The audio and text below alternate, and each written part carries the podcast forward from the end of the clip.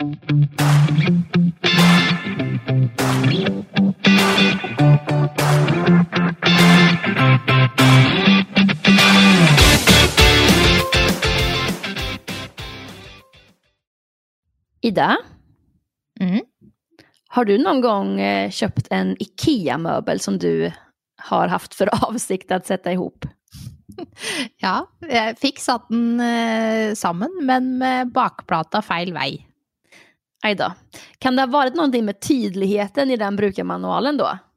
Det kan ha vært noe med tyde, tydeligheten, men det kan også ha noe med mine praktiske evner å gjøre, altså. Alltså det här är någonting som jag tror att många kan känna igen sig i. Alltså känslan av, har jag inte varit tydlig nog? Precis som Ikea förmodligen tänkte när de gjorde den här manualen. Eh, och svaret är förmodligen nej, det har det inte varit. Många ledare tror att det kanskje går att uttrycka sig i generella termer och begrepp, även i sin ledarroll. Men du som ledare behöver många gånger vara mycket, mycket mer nyanserad, konkret och tydlig och framförallt veta vem det är du ska prata med. Det är någonting som vi kommer tillbaka till hela tiden. Känn den mottagaren som ska ta emot ditt budskap. Och det handlar ju framför allt om att när du ska ge instruktioner eller komma med tydliga målsättningar, då måste tydligheten vara där. Annars når vi inte i mål helt enkelt. Nei, og så ser vi at noen prøver å holde samme kommunikasjonsform med f.eks. kona og mannen, eh, eller veldig gode kompiser, eh, som du gjør med kollegaene dine. Og det funker ikke alltid, rett og slett fordi at du kjenner ikke kollegaene dine like godt. Og når man ikke kjenner hverandre like godt, så er det mye større rom for mistolking, og mindre rom for å oppklare de misforståelsene som oppstår. Og det her, det er jo nå grunnen til at du som leder må sette av tid til å skape en god relasjon til medarbeiderne dine. Rett og slett fordi at det i seg sjøl øker graden av tydelighet og rom for å oppklare misforståelser. Precis. Eh, och någonting som kan göra det svårare för en ledare att nå fram med sitt budskap är ju att utgå ifrån att ja, men den du pratar med har hört och förstått vad du säger. Eh, eller uttrycka sig kanske i form av, men det där har jag ju sagt förut. För det är ofta ett tecken på att ledaren har pratat till medarbetaren, men inte med medarbetaren. Och det är lite samma sätt som när man tror att man kommunicerar men man istället informerar. Det är alltid mottagaren som avgör hur kommunikationen nått fram och om avsändare och mottagare har uppnått det här som vi kallar för samsyn kring vilket budskapet faktiskt är. Og det her, det veit jeg, det blir diskutert en del på de aktivt lederskapsgjennomføringene som er rundt omkring. Sånn, ja, men hvordan skal jeg sørge for da at vi faktisk kommuniserer? Og et veldig viktig grep for å sørge for den fellesforståelsen og samsynet, det er å være en aktiv lytter. Og ved å stille spørsmål sånn jeg forstår deg sånn at, og så oppsummere eh, det du oppfatter at samtalen har dreid seg om, så vil du raskere få oppklart misforståelser, og du er sikker på eh, at dere er på samme bølgelengde. Og det her, det har et navn, det heter å parafrasere. Eh, og en liten veldig fint ord Ida, Veldig fint. Ja, det er et veldig fint ord. Nå har du lært et nytt ord i dag. Yes.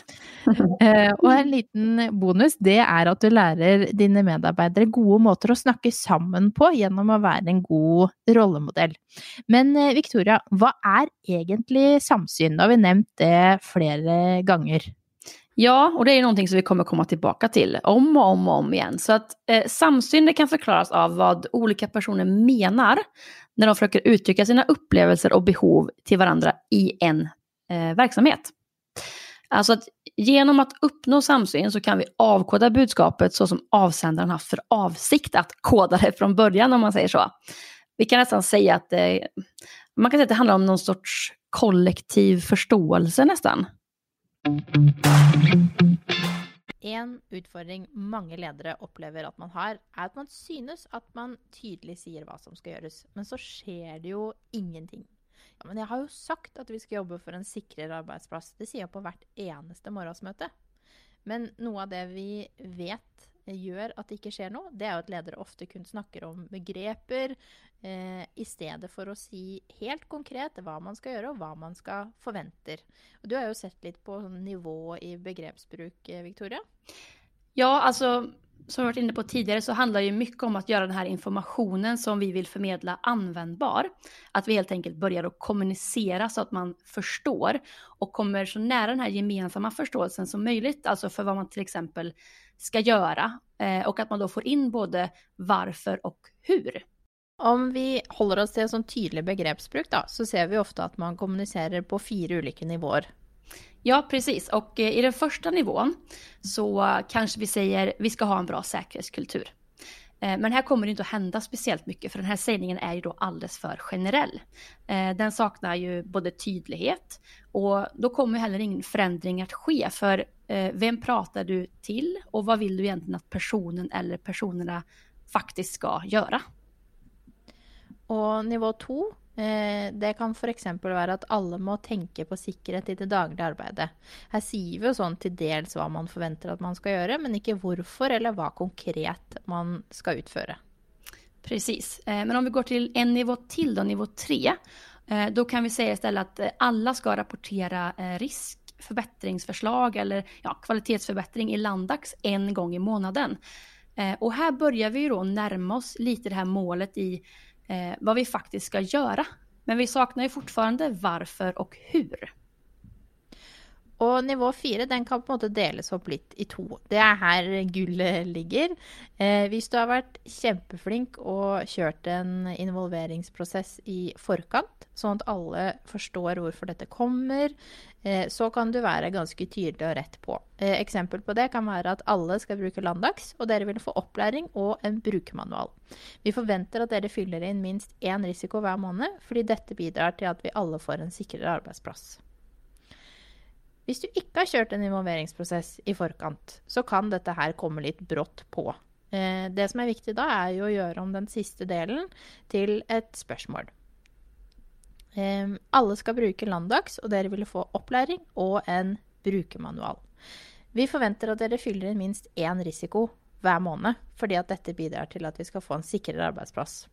Hva trenger dere av meg som leder for å kunne fylle i minst én risiko? Her vil du kunne løfte sånn at de får snakke om eh, det de skal gjøre, sånn at det fester seg på en annen måte, og at engasjementet forhåpentligvis blir høyere enn hvis de kun får beskjed om at dette skal vi gjøre. I de to siste så får vi jo høre hva målet er, og hvordan man skal gjøre det.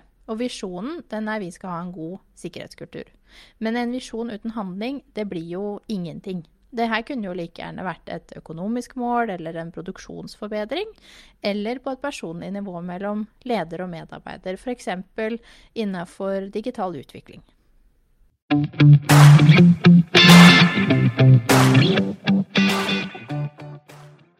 Men Ida, eh, har du hørt tales om eh, hovedhjertehender? hender? Ja, det husker jeg var noe av det aller, aller første vi hadde i eh, mitt første år på BI, hvor vi hadde PR og kommunikasjonsledelse. Da var det hode, hjerte, hender. Og det har liksom hengt med gjennom hele karrieren, fordi det er, så enkel, det er en enkel måte å snakke om tydelig kommunikasjon på, da. Verkligen. Kan du berätta litt hva de her ulike delene står for? Hvordan vi skulle kunne anvende dem i vardagen? Mm. Eh, hodet det står jo for faktaopplysninger. Eh, F.eks. at vi skal jobbe med en god sikkerhetskultur i Morven, og at vi har de praktiske eh, verktøyene for å faktisk gjøre det. Eh, hjertet det står for følelser. Hvis vi ikke har med hjertet, så er det så å si umulig å skape et engasjement hos eh, medarbeiderne våre. Hvorfor skal jeg bry meg om det her? Og hendene, det står for handling. Det er hvordan skal vi gjøre det?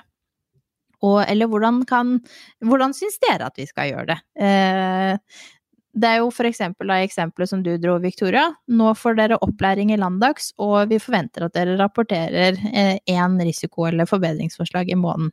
Det er handlingen. Så hvis man har alle tre, så har man på en måte nøkkelen da, til å skape tydelig og engasjerende kommunikasjon. Mm, precis. Alltså jag tror att det här med tydlighet är att man aldrig ska undervärdera vikten av att vara tydlig nog. Det mm. är ju eh, som sagt en eh, framgångsfaktor. Ehm, men tydlighet handlar också om hur man väljer att kommunicera. Eh, och framförallt för att skapa en ändring eller en motivation och hitta den här dialogen. Og én modell da, som vi ofte bruker for å forklare forskjellen på f.eks. For det å ha, informere og kommunisere, det er kommunikasjonstrappa.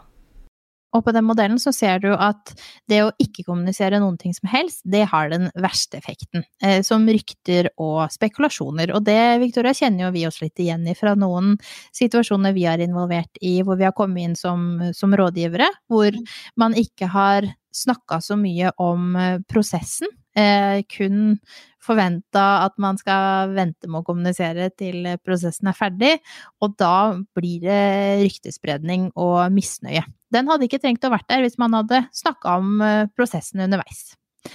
Eh, og som vi ser av den modellen, så kommer vi altså når vi Hvis vi ønsker å skape en effekt som er mer enn bare det å kjenne til en sak, altså at vi kommer dit hvor vi kjenner engasjement og eierskap og handling, så må vi faktisk snakke sammen, ikke bare informere. Og forskning viser jo faktisk at nordiske ledere i veldig stor grad er litt for snille i lederstilen. Blant annet, de tør liksom ikke helt å være tydelige. Og det å tørre å ta diskusjonen og gi plass til ulike meninger, og sette pris på at medarbeiderne ytrer seg med sine forslag og konstruktive innspill, det er det som virkelig kan bidra til eh, engasjement og samsyn.